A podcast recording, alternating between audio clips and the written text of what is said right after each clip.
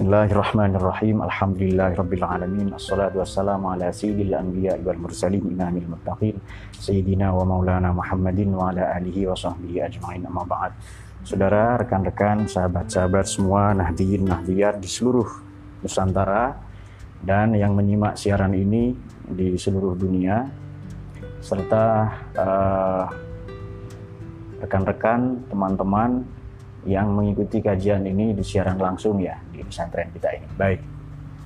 Alhamdulillah kita akan meneruskan kajian tafsir maudhu'i atau tafsir tematik pada kesempatan berbahagia ini bersamaan dengan harlah hari lahir Jamaiyah Nahdlatul Ulama yang ke-94 dalam kalender Masehi ya atau dalam kalender Hijriyah yang ke-97. Kita sudah hampir 100 tahun sudah banyak tentu saja prestasi-prestasi yang telah dicapai, uh, terutama yang dirintis oleh para muassis dulu ya, para pendiri, dan kita tugas kita meneruskan itu. Semoga kita tetap menjadi nahdiyin ila yaumiddin, tetap menjadi santri sampai mati, tetap konsisten mengaji, senang kepada ilmu, serta memuliakan ulama, kemudian uh, mau tidak mau memang kita harus ikut mereka bermadhab, bersama mereka. Dan uh, salah satu bentuk kecintaan kita kepada ilmu adalah ngaji seperti pada kesempatan berbahagia ini. Tema sore ini adalah ulama menurut Al-Quran. Mula-mula apa sih takrif atau definisi ulama? Jadi ulama ini diadaptasi dari kata alim. Alim ini bentuk mufrad ya. Ini bentuk single, ini plural ini mufrad, ini jama. Kemudian uh, berakar atau asalnya adalah kata alima nanti menjadi ilmu. Alima ya lamu ilman. Sama dengan arofa. Jadi kata alima di Quran diulang, ini berasal dari kata alima.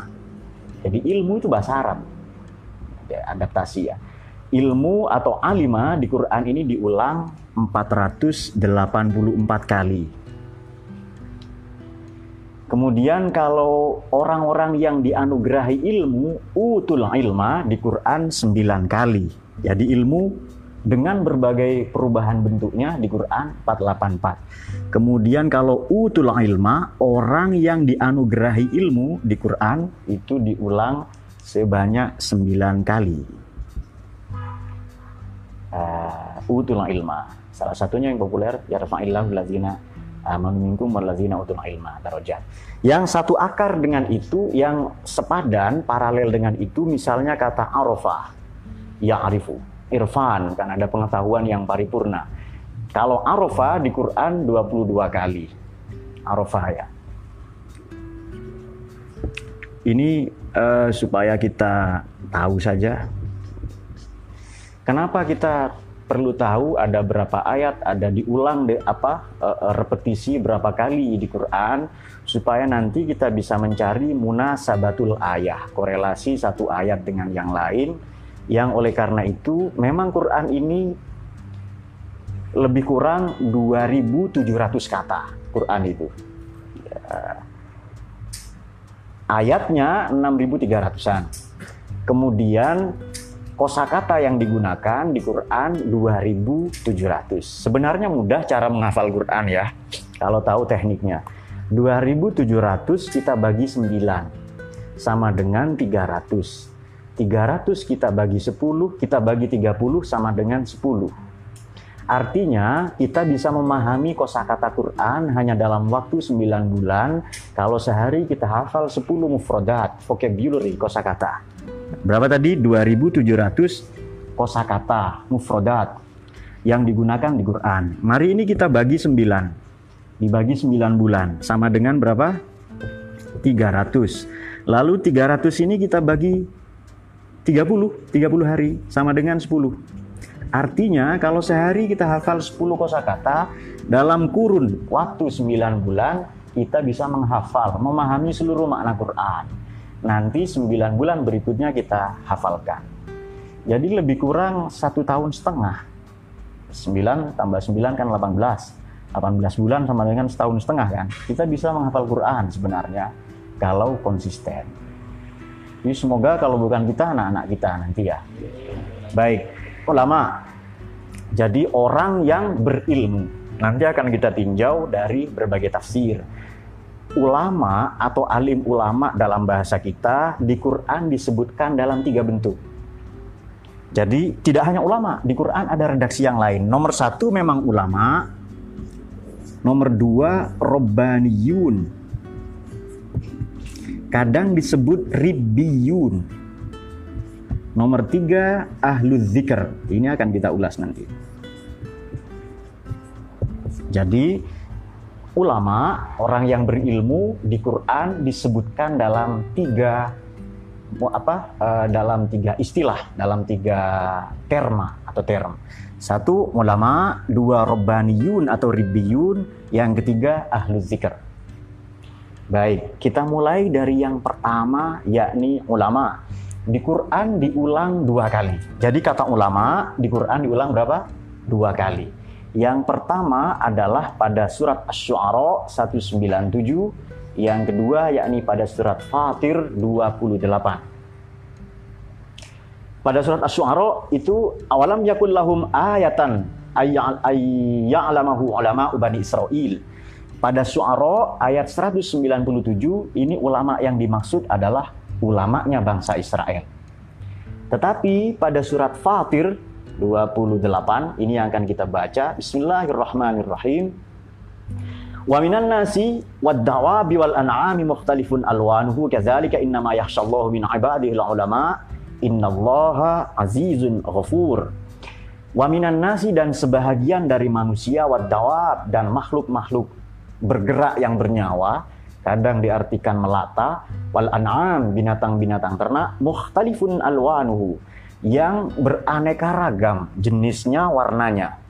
Kazalika demikianlah di antara mereka itu semua nas umat manusia, binatang-binatang melata semuanya yahsyallah yang paling takut kepada Allah min ibadihi di antara hambanya adalah al ulama, para ulama. Innallaha azizun wafur. Baik, mari kita ulas ulama itu apa yang akan kita bahas adalah redaksi Yahshallah. Jadi di surat Fatir eh, surat Fatir 28 ya ada kata ada ayat innama Yahshallahu. Ini populer ayat ini ya. Min ibadihil ulama.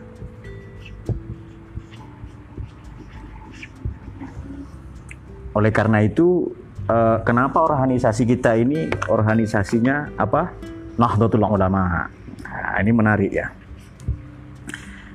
Innama yakhshallah, sesungguhnya yang paling takut kepada Allah ya min ibadihi di antara hambanya Allah adalah ulama. Baik, khosyah fi'il mudoreknya yakhsha atau khosyah di Quran diulang 23 kali. Khosyah, yakhsha, khosyah di Quran diulang 23 kali. Mari kita membuka tafsir Al-Tabari. Ibnu Jarir Al-Tabari meninggal 310 Hijriah. Nama tafsirnya adalah Jami'ul Bayan. Ini gurunya ahli tafsir. Maha gurunya ada lagi, yakni Abdullah bin Abbas radhiyallahu anhu yang disebut Tarjumanul Mufassirin atau Sayyidul Mufassirin. Kalau At-Tabari disebut Syekh. Syaikhu Suyukhil Mufassirin gurunya, guru-gurunya para ahli tafsir itu adalah At-Tabari. Beliau dianggap sebagai ahli tafsir pertama yang menulis tafsir yang sangat komprehensif ya. Ditanya oleh muridnya, Anda ini Bahrul Ulum, Samudra Pengetahuan, Profesor, kok enggak nulis tafsir katanya. Besok murid saya 3000 orang ini datang semua ke sini bawa kertas, bawa tinta, bawa pensil, bawa pena. Kita nulis tafsir katanya. Ada muridnya nanya lagi, kira-kira berapa halaman atau berapa jilid yang mau Anda tulis? Tidak banyak lah, 30 ribu. Waduh, tidak cukup umur kita. Kalau gitu 30 jilid saja. Itu betapa beliau bahrul ulum ya. Baik, Innama yakhsha, kata Imam At-Tabari dalam tafsir Jami'ul Bayan, kita akan bandingkan dengan tafsir yang lebih kontemporer nanti ya.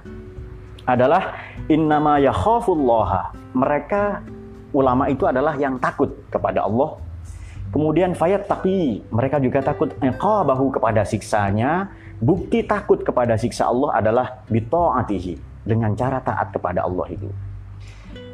Lantas kenapa ini ulama disebut yakhafullah, takut kepada Allah, takut kepada siksanya dan taat kepadanya?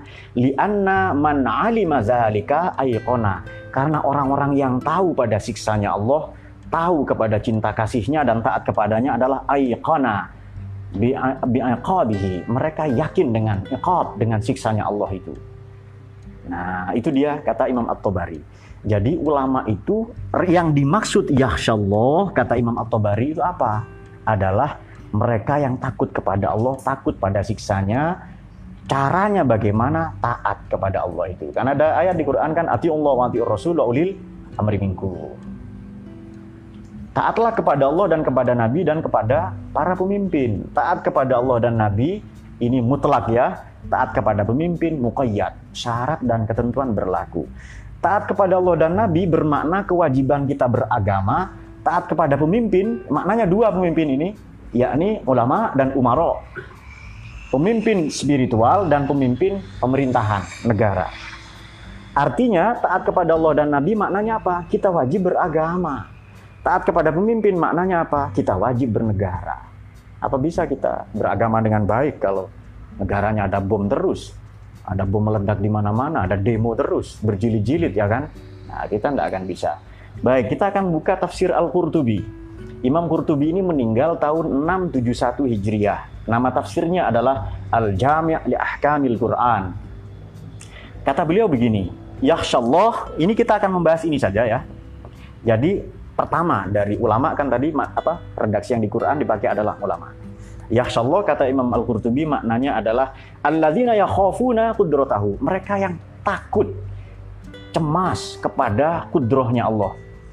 Faman alima annahu azza wa jalla, barang siapa alima yang tahu azza wa jalla bahwa Allah azza wa jalla adalah qadir, maha berkehendak, ah, maha menentukan ya, maha memberikan kudroh, maha berkuasa, Aikona maka akan semakin yakin bimu'aqibatihi 'alal maksiyah. Ada tambahan maksiat dengan dari Imam At-Tabari tadi ya.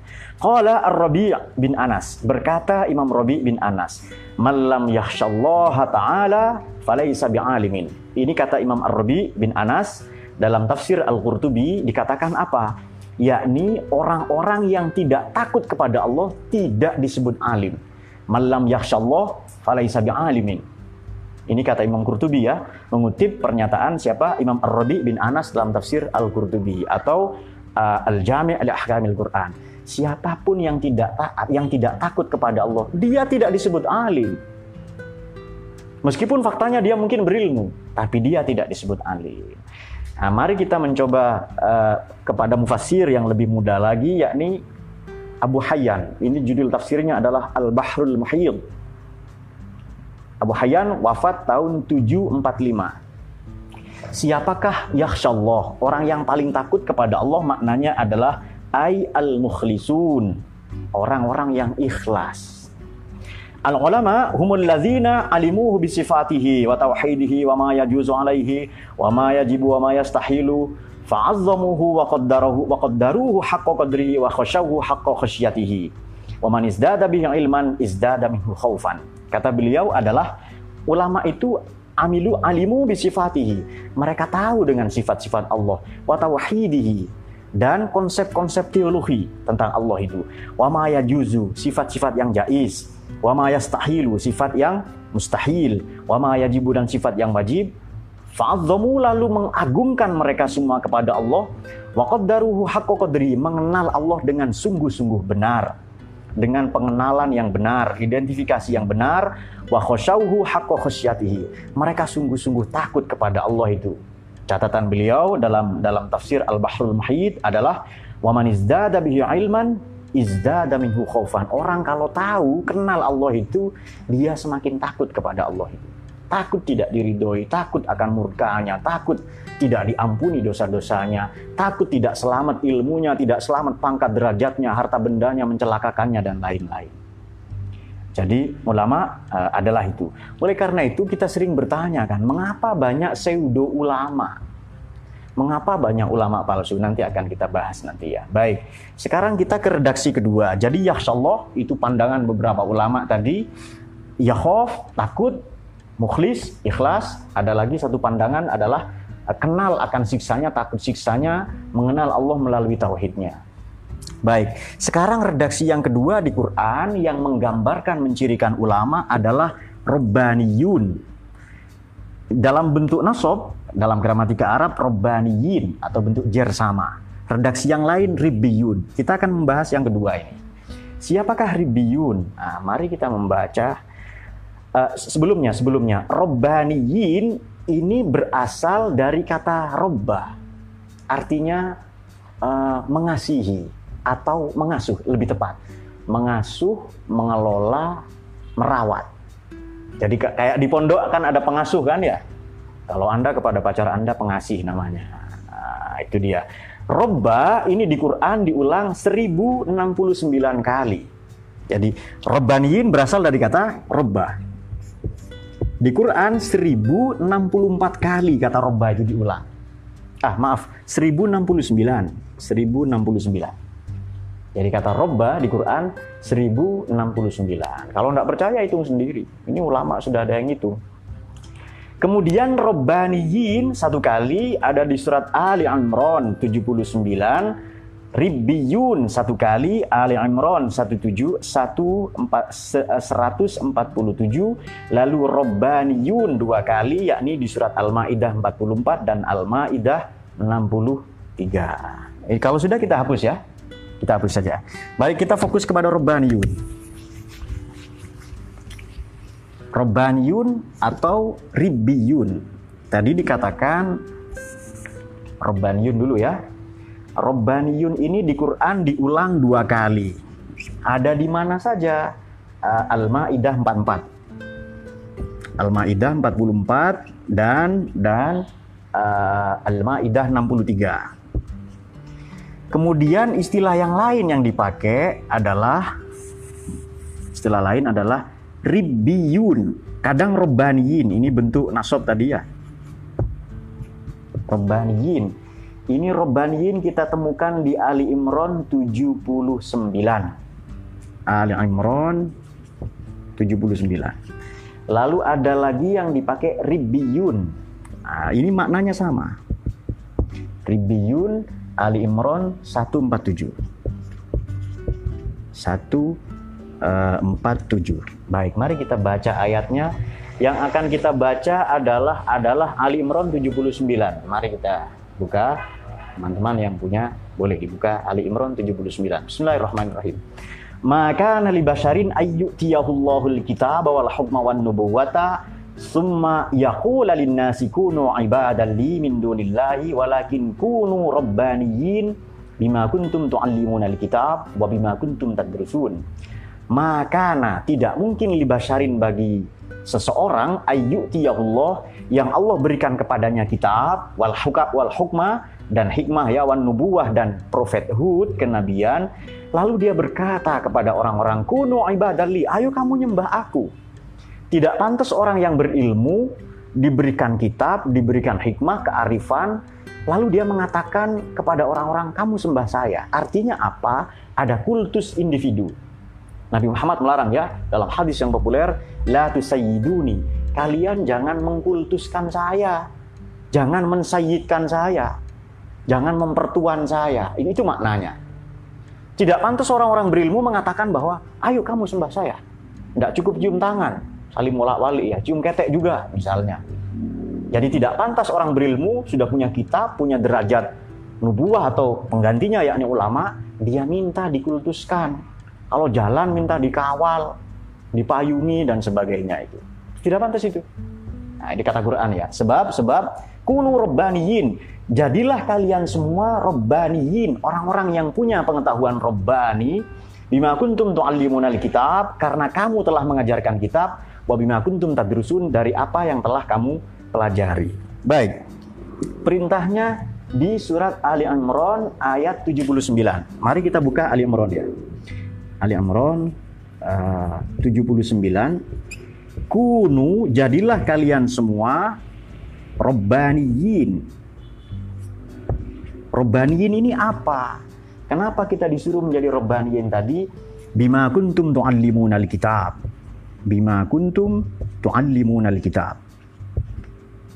oleh karena mengajarkan kitab suci atau ilmu-ilmu disiplin funun ya disiplin-disiplin ilmu yang berhubungan dengan kitab suci mencerminkan kitab suci ya fikih ya hadis apalagi ya kalam filsafat muqaranatul adyan perbandingan agama muqaranatul mazahib tarikh dan sebagainya ya wabima kuntum tadrusun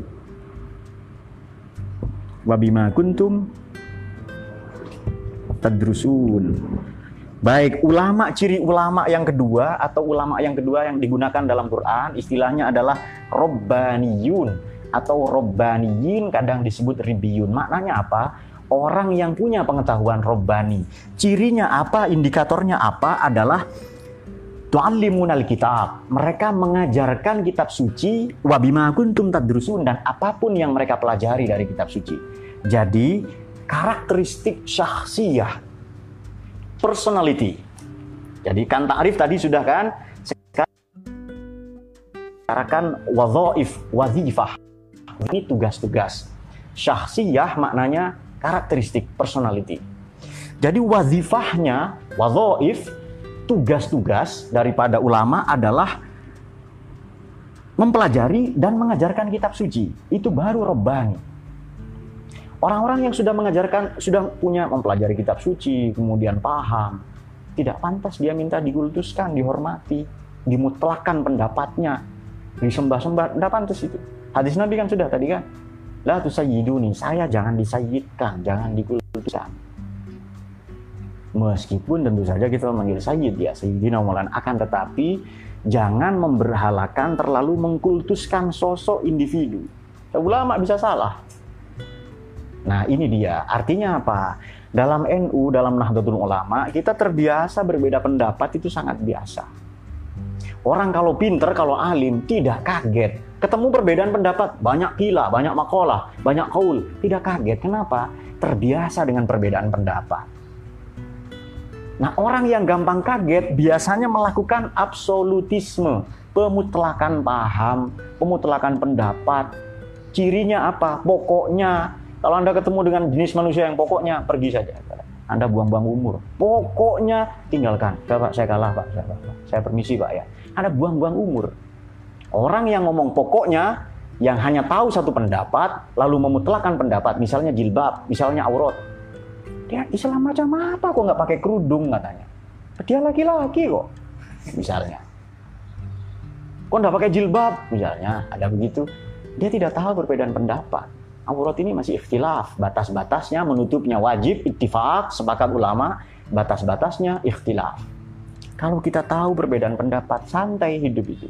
Baik, mari kita akan ulas kunu robbaniyin ini maknanya apa? Jadilah kalian semua robbaniyin atau ribiyun atau robbaniyun ya di Quran tadi Robbaniyun dua kali, Maidah 44 kemudian uh, 63, Robbaniyin satu kali, Imron 79, Ribbiyun Ali Imron 147. Apa itu cirinya? Mempelajari kitab suci dan mengajar. Mau tidak mau kiai, ulama, guruta, Andre guruta, abuya, apalagi uh, ajengan misalnya mau tidak mau harus ngajar. Semua disiplin ilmu, tafsir, ulumul hadis, ulumul Quran, Jasa kiro asam'ah. Paham betul Quran. Kemudian ilmu luwah, ilmu bahasa, mantik. Kemudian balaghah, ma'ani, bayan badi. Kemudian dia mengajarkan dia mengajarkan tarikh, sejarah. Itu baru ulama, bukan bukan yang baca Quran terjemahan lalu dia berfatwa. Nah, itu dia. Baik, mari kita ulas robbaniyin. Walakin kanu robbani makuntum ta'limun al-kitab wabima kuntum tadrusun. Saya akan membuka, membuka tafsir dari Imam Al-Alusi. Ini wafat 1270 tafsir Ruhul Ma'ani. Kata Imam Al-Alusi, kuno rabbaniyin, ini beliau mengutip pendapat Ibnu Abbas radhiyallahu anhu. Fassara Aliyin menafsirkan sahabat Ali ya, jadi Sayyidina Ali Ibnu Abbas radhiyallahu anhu, ar-rabbani maknanya adalah al-faqih orang yang faqih, yatafaqahu fid din. Faqih berarti seorang yang yuris. Yuris ini orangnya. Dia pakar, dia ahli dalam jurisprudensi Islam. Jurisprudensi maknanya hukum ya. Yurisprudensi. Jurisprudensial. Orangnya disebut yuris. Kata Ibnu Abbas dan Sayyidina Ali ya dalam tafsir Ruhul Ma'ani Imam Al-Alusi berkata mengutip uh, pandangan Sayyidina Ali dan Ibnu Abbas adalah Rabbani maknanya faqih. Kemudian di tafsir yang sama dalam Al-Alusi dalam tafsir Ruhul Ma'ani Imam Ib, apa Ibnu Qatadah dan Imam As-Sudi mengatakan uh, uh, uh, maknanya alim dan hakim. Nah, hakim. Nabi Muhammad itu hakim kan ada hadis yang sangat populer, ya kan?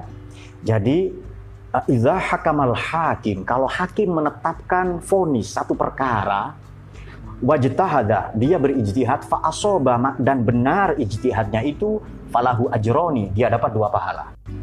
Wa idza akhta'a kalau salah ijtihadnya ulama, maka falahu ajrun, dia dapat satu pahala. Kenapa kalau benar dua? Dia dapat pahala ijtihad satu, yang kedua karena ijtihadnya benar. Kalau salah dia dapat pahala ijtihad saja. Itu hadis Nabi kan? Kalau seorang hakim berijtihad, memutuskan satu perkara dan benar pahalanya dua, kalau salah pahalanya satu. Pertanyaannya sekarang, setiap Nabi sabdakan, apakah Nabi tidak lakukan? Sudah barang tentu Nabi Muhammad lakukan terlebih dahulu. Kalau begitu, Nabi Muhammad adalah al-hakim. Nabi ini hakim. Hanya orang banyak tidak tahu. Berita yang sampai perang, poligami, pedang di tangan kanan, kitab suci tangan kiri, istrinya banyak. Itu sejarah versi orientalis, orang-orang yang tidak paham Islam. Nabi Muhammad juga hakim. Nah, itu dia. Maka kata Ibnu Qatadah dan Imam As-Sudi adalah orang yang robbaniyin adalah orang yang hakim dan apa tadi alim. Kemudian kata Ibnu Jubair, hakim dan at-taqi, orang yang bertakwa. Ini kan karakter ulama semua.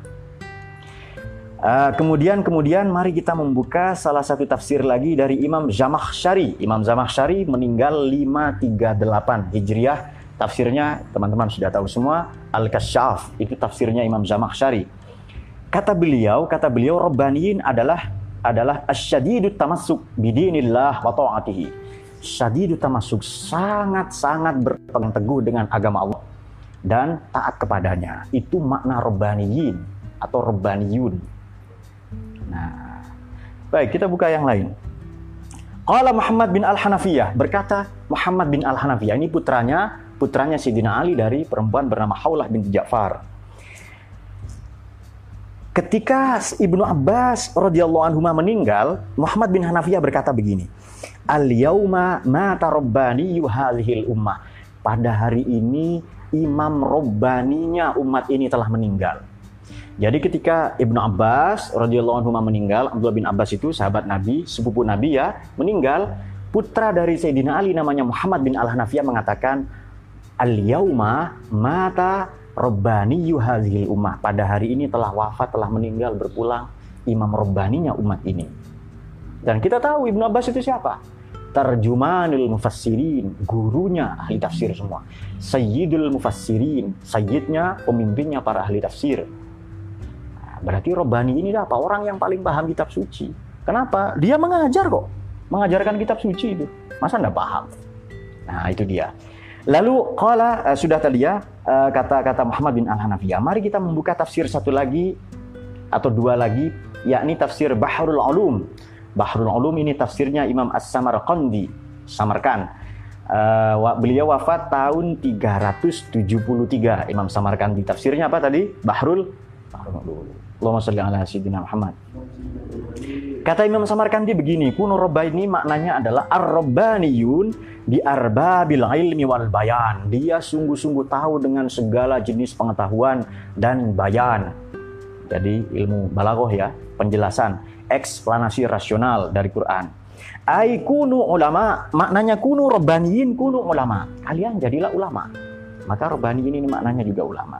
Bima kuntum tu'allimuna alkitab ay kunu alimin. Maksudnya kalian semua jadi orang yang alim. Bima kuntum tu'allimuna wal alim idza amila bima alima. Jadi kata Imam Samarkandi dalam tafsir Bahrul Ulum adalah alim itu apa? Adalah orang yang beramal dengan ilmu atau berdasarkan ilmu.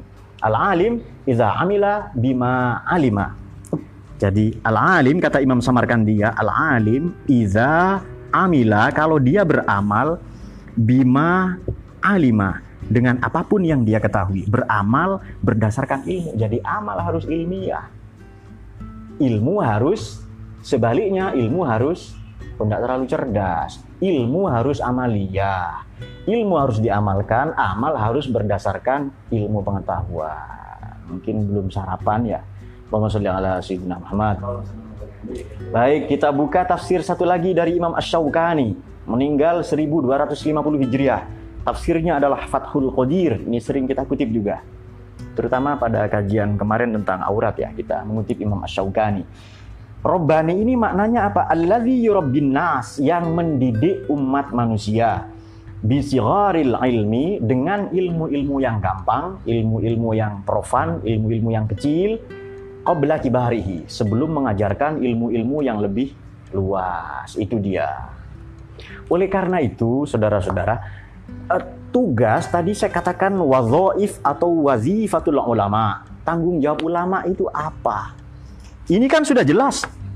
Tidak hanya mas'uliyah diniyah, tidak hanya tanggung jawab agama, tetapi juga mas'uliyah ilmiyah, tanggung jawab ilmu. Bahkan mas'uliyah watoniyah, tanggung jawab kebangsaan. Dan yang terakhir, mas'uliyah insaniyah, tanggung jawab kemanusiaan. Jadi ada empat tanggung jawab ulama tadi. Tanggung jawab ilmu, tanggung jawab agama, tanggung jawab kebangsaan, dan tanggung jawab keumatan atau humanisme atau kemanusiaan.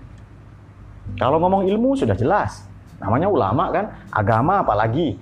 Ada yang lebih penting tanggung jawab watoniyah, tanggung jawab kebangsaan. Tanggung jawab nasionalisme itu tugasnya ulama itu. Nah, bukan tugasnya para pemerintah saja tidak. Dan yang tak kalah penting mas'uliyah insaniyah, tanggung jawab kemanusiaan. Maka ulama ini digambarkan di reportase dipotret dalam kalimat yang sederhana yakni allazina yang zurunal ummah bi'ainir rahmah yang memandang umat ini dengan kacamata cinta kasih. Misalnya, misalnya bapak-bapak menggendong bayi, bayinya umur setahun, lalu bayi itu pipis, masa langsung dibanting itu bayi? Kurang ajar kamu sama orang tua, dipelintir kepalanya misalnya, itu kan ekstrim itu. Tidak, situ si bapak paling ketawa saja. Ini anak ini minta adik lagi, pasti begitu. Nah, ini membuktikan bahwa orang yang tahu dia akan memaklumi, akan menyadari, tidak langsung marah-marah ya. Nah, oleh karena itu, Aat tadi dikatakan bima kuntum tu'alimun alkitab wa bima kuntum tadrusun. Jadi begini, ada perbedaan istilah bahasa Indonesia dengan bahasa Arab. Uh, tilmiz, ini murid ya. Gurunya disebut ustaz. Murid ini sebenarnya murid yang paling tinggi murid ini mereka yang menghasrati Tuhan. Jadi begini, kalau ustadz, siswanya disebut tilmiz. Kalau polib, siswa, misalnya, itu gurunya disebut mudarris, pengajar. Siswa, mahasiswa, gurunya mudarris. Kalau murid, ini murid yang paling tinggi sebenarnya. Di Indonesia jadi paling rendah kan, murid SD misalnya, murid TK tidak dalam term Arab atau dalam dalam istilah tasawuf, murid adalah man aradallah, orang yang menghasrati Tuhan. Menginginkan spiritualitas. Dia menempuh jalan spiritual atau suluk. Orangnya disebut salik ya. Maka guru daripada murid ini jadi kalau ustadz, siswanya disebut tilmin. Peris tadi, babi makun tum tadrusun, siswanya disebut polib atau mahasiswa, bolehlah itu. Kalau murid, gurunya disebut mursyid, orang yang memberikan bimbingan, direction berupa jalan-jalan spiritual.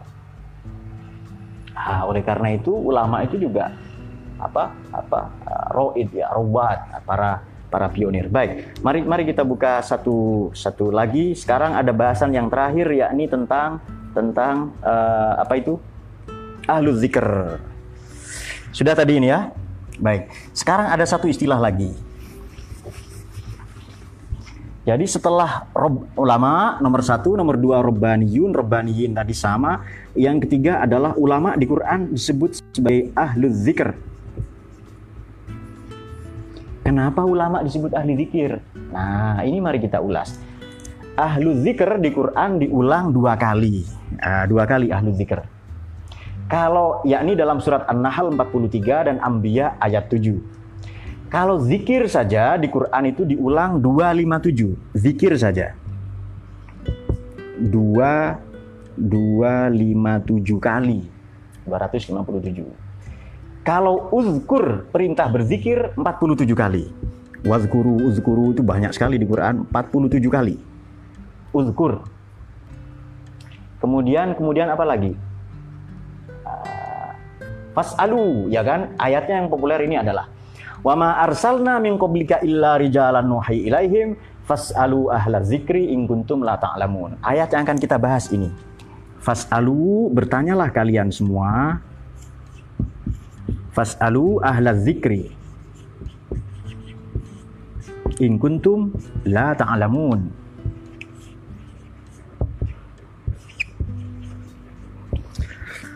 Nah, kita akan bahas ini. Fas'alu. Ayo mintalah atau bertanyalah di Quran empat kali diulang. Kemudian in kuntum la ta'lamun. Kalau la ta'lamun di Quran diulang 22 kali. Fas'alu diulang empat kali.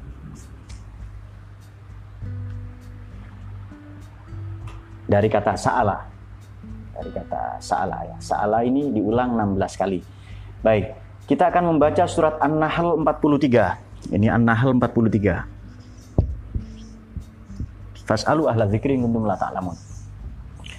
Uh, kenapa sih ulama ini disebut ahli zikir? Ayo kamu tanya kepada ahli zikir yang kuntum la ta'lamun. Ceritanya kan begini.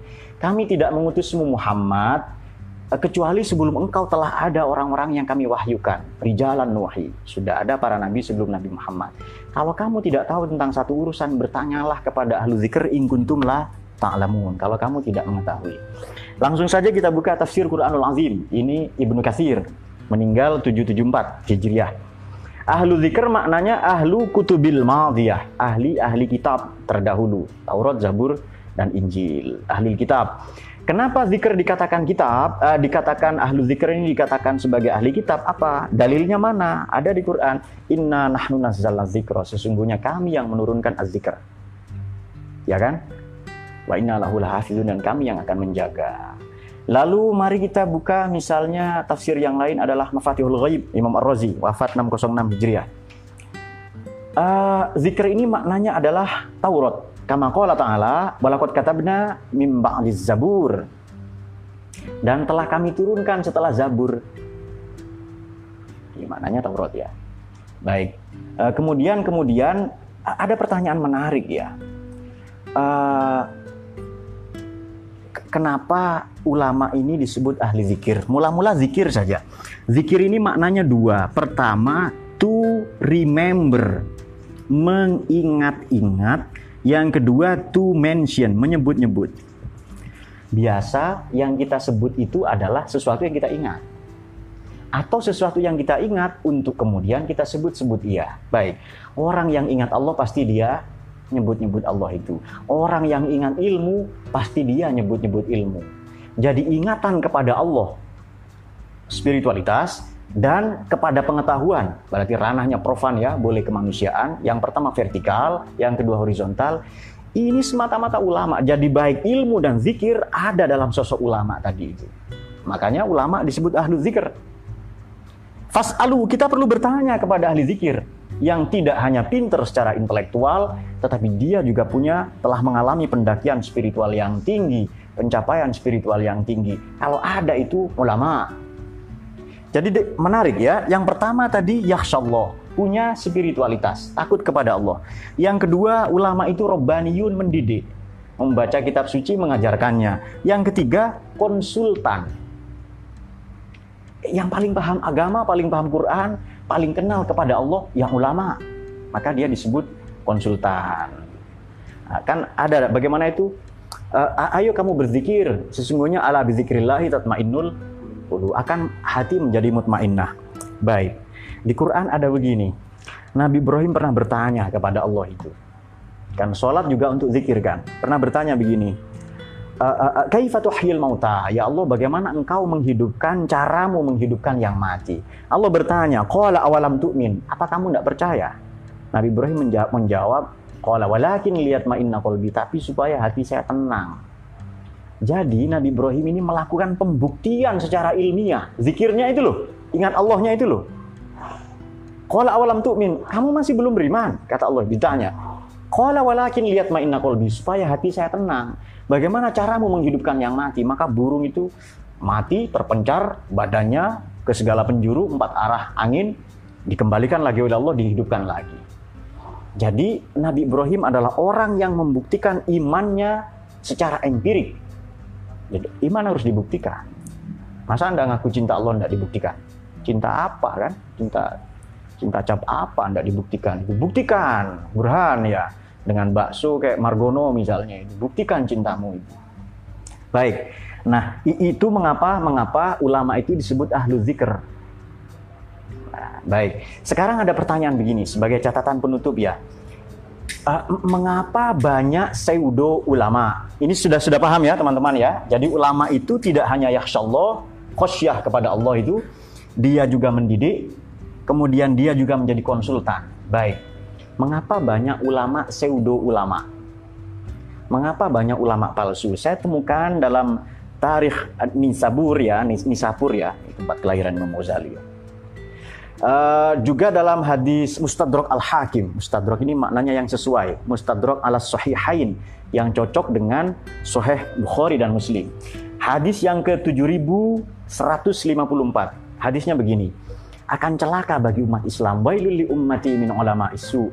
Akan celaka sengsara menghadapi pancaroba malapetaka bencana nasional bagi umat ini min ulama isu karena perilaku ulama yang su yang negatif. Siapa itu?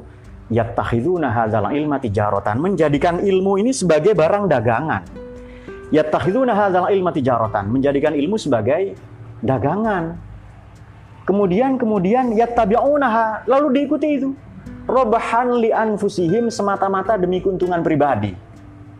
La arbahallahu tijaratahum. Allah tidak ngasih keuntungan pada dagangannya itu. Nah, itu ulama su ya, menjadikan ilmu agama sebagai dagangan, komoditas. Nah, itu berbahaya itu. Baik, eh, saya akan ulang. Kalau begitu, kesimpulannya bagaimana? Ulama ini tidak cukup faqih, tidak cukup liyatafaqahu fid din Nah, ulama ini tidak cukup dia tafaqahu fiddin saja. Harus bagaimana ulama itu?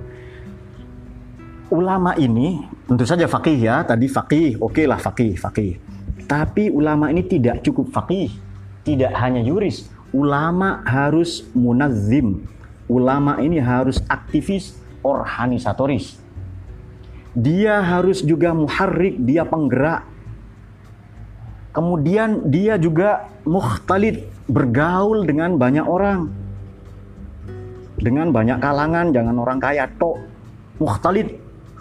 Tetapi sudahlah dia bergaul dengan banyak kalangan, ulama itu juga harus mutawarri, orang yang warok, menjaga kualitas pergaulannya, warok, zuhud, fakir.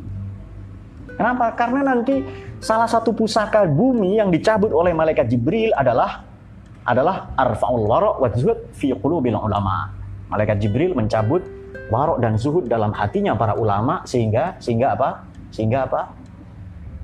Ya ulama itu ya takhiduna hadzal ilma tijaratan, menjual ilmu pengetahuannya, menjual agamanya. Ulama itu juga roid. Apa roid? Rawat, roid ini. Inisiator, pionir. Itu baru ulama itu. Dan dan yang tidak kalah penting ulama ini ini hemat saya ulama harus muarrikh. Ulama itu harus ahli sejarah. Kalau tidak muarrikh Nabi bisa jadi ulama. Kenapa Indonesia terbelakang? Lima zat akhiral muslimun wa taqaddamal akhir. Itu kata Syekh Zaki Yamani dalam bukunya dalam bukunya Al Muskilatul Asr. Problematika kontemporer. Kenapa umat Islam terbelakang, bangsa yang lain maju? Ulama harus ahli sejarah lianna amaluna amaluhum wa amaluhum amaluna. Karena perbuatan kita diambil oleh barat, sekarang kita duplikat, kita menduplikasi, kita meniru dari barat tadi, kita impor dari barat. Nah, ini ulama itu tidak cukup itu saja. Jadi Fakih jelas, munazim, aktivis, organisatoris, muharrik, dia penggerak, muhtalid, bergaul, kasirul ikhtilat, bergaul dengan banyak kalangan. Dia juga mutawarri, orang yang warok, menjaga hati-hati pergaulannya, kepada yang haram, terutama ya, juga kepada yang syubhat, roid, dia penggagas, dia pionir, dia inisiator bagi kemajuan umatnya, bangsanya, dan negaranya, yang tak kalah penting ulama harus mu'arif. Dia ahli sejarah. Kalau tidak ahli sejarah, tidak tahu kenapa kita terbelakang, ya kan? Nah, ulama-ulama yang seperti ini hadir pada sosok Hadratus Syekh Hasim As'ari, Mbah Wahab Asbullah, Kiai Bisri Sangsuri, dan semua ulama-ulama di Indonesia. Dulu para wali songo itu adalah sufi, mutasawwifin. Baru nanti diganti faqih. Orang-orang yang sudah begini ini, yang sudah begini ini, baru dia bisa mendidik yang turun al ummah bi'ainir rahmah. Nah, itu dia. Sekarang, sekarang, teman-teman ya, sudah ya uh, gampang atau tidak jadi ulama itu? Ulama itu warasatul anbiya, nggak ada yang enak ulama itu hidupnya. Buktikan ke saya ulama itu enak. Nabi Adam diusir, Nabi Nuh juga, Nabi Sulaiman kaya katanya enak. Coba buka lagi buku sejarah tentang para nabi itu.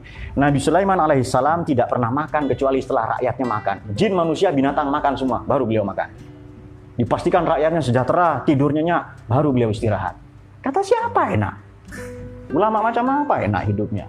Ulama ini pewarisnya para nabi, bukan hanya Nabi Muhammad ya. Sebutkan ke saya nabi para nabi yang enak hidupnya. Dibunuh, diusir, dibakar hidup-hidup, dihianati istrinya, anaknya murtad, macam-macam kan? Kalau Anda mengisi formulir untuk menjadi ulama, siap-siaplah mengalami kisah-kisah terakhir dalam hidup Anda. Tapi itulah nikmatnya perjuangan, ya kan? Ulama itu mujahid, tambah satu lagi, mujahid, pejuang. Bukan berjuang beras, baju, dan uang, bukan. Mujahid ulama itu juga. Ah, ini dia. Ladzina jahadu fina lanahdiyannahum subulana. Walhasil para kiai, para guru, tuan guru, para ulama ini mereka makanya orang bertani sowan kiai bangun rumah sowan kiai menikahkan anak sowan kiai mau kerja mau apa saja seluruh persoalan dia sowan kiai itu bangun rumah seluruhnya ke arsitek. Tidak, datang kiai minta barokah. Anaknya mau nikah, angel juduhnya ini kiai bagaimana? Kalau kiai yang tidak jelas ya dinikahi sendiri sama kiai nanti. Nah, walhasil seluruh problematika kiai ini keranjang sampah yang menampung segala persoalan umat, segala persoalan rakyatnya, masyarakatnya. Ini baru. Jadi begini, kalau desa itu maju, pasti kiainya visioner. Kalau negara ini maju, pasti ulamanya yang hebat itu. Tugasnya lebih banyak daripada tugas negara. Ulama bisa nggak bikin negara itu? Bisa. Indonesia ini bikinan para ulama, bikinan para wali, maka Indonesia disebut walayah. Wilayah dari kata walayah, sainthood. Semoga kita semua mendapatkan barokahnya para ulama. Jadi diharlah NU yang ke-94, mari kita bangkit. Memang bangkit ini kadang terlambat, tapi tidak apa-apa kita bangkit itu. Tidak apa-apa, bangkit terlambat memang itu bukan soal terlambat. Nanti garis ini siapa yang nyampe duluan itu dia. Nah, oleh karena itu kita sungguh-sungguh mengapresiasi ulama-ulama kita. Pertanyaan saya, anjing ikut ulama selamat enggak? Anjingnya Sabul Kahfi itu. Selamat dia. Apalagi kita yang punya akal, punya hati. Tidak ada jalan lain. Tidak, saya mau Quran dan hadis itu. Selamat datang di kebodohan. Kata jahanam, kata neraka jahanam, ayo sini, sini, selamat datang. Sini nak, sini nak, kamu yang nakal itu. Nah, Nggak bisa nggak ikut ulama, nggak bisa itu. Harus. Jadi begini, untuk sampai kepada tujuan agama, maka itu syariah, untuk sampai kepada tujuan Quran, caranya bagaimana? Kita bermazhab. Kalau mau sampai ke tujuan, ikut kendaraan umum, moda transportasi umum, bis, bisa terbang, kereta api, itu namanya ikut ulama itu. Ya kalau mau silahkan, kalau Anda paham Quran hadis, oh baca tafsir saja karangan ulama, hadis saja Bukhari, Muslim, Tirmidzi, Nasai, Ibnu Majah, Daruqutni, Ahmad, Abu Dawud, Ad-Dailami itu bikinan ulama semua yang yang melakukan kodifikasi ya kan. Kalau kalau mau jangan ikut mereka. Jangan ikut Syekh Izzuddin bin Abdul Salam, Sultan Ulama, jangan ikut itu. Nah, tafsirkan Quran sendiri. Dia jelas itu neraka. Man fasrul Quran, barang siapa menafsirkan Quran bi ra'yihi, falyatabawa maq'adahu minan nar. Dia sudah pesan tiket eksekutif ke neraka. Walhasil kita tidak bisa hidup tanpa ikut ulama maka betul kalau organisasi ini namanya Nahdlatul Ulama. Begitu ulama bangkit, bangsa negara bangkit. Begitu ulama bangkit, pemuda-pemuda bangkit. Begitu pemuda bangkit, ya Indonesia bangkit. Bisa mengalahkan penjajah. Nah, itu dia. Pesan Hadratus Syekh itu bagaimana? Kamu jangan membangun rumah, kamu jangan membangun negara, tapi menghancurkan seluruh penduduk kota. Tidak bisa. Artinya apa? Kalau mau membangun rumah, kalau mau membangun negara, membangun dari mana itu? Dari pondasi, dari bawah dulu sampai ke atas. Kalau memperbaiki dari mana? Dari ke atas dulu baru ke bawah. Bisakah Anda membangun negara, membangun rumah, tapi menghancurkan penduduk kota itu? Saya mau membangun nasionalisme di Indonesia, tapi merusak agama, tidak bisa. Makanya nasionalisme dengan dengan apa? Dengan dengan agama ya, agama dan negara itu gaduh apa? Integral. Nah, ketemu integral, bahasa ilmiah kan. Integral. Baik itu saja, semoga kita semua uh, mendapatkan barokahnya ulama, para muassisin, nahdlatul ulama, guru-guru kita di kampung yang ngajarin ngaji semua kepada mereka lah kita berhutang budi ya. Kita punya the owner, the owner. Kita punya uh, debt of owner.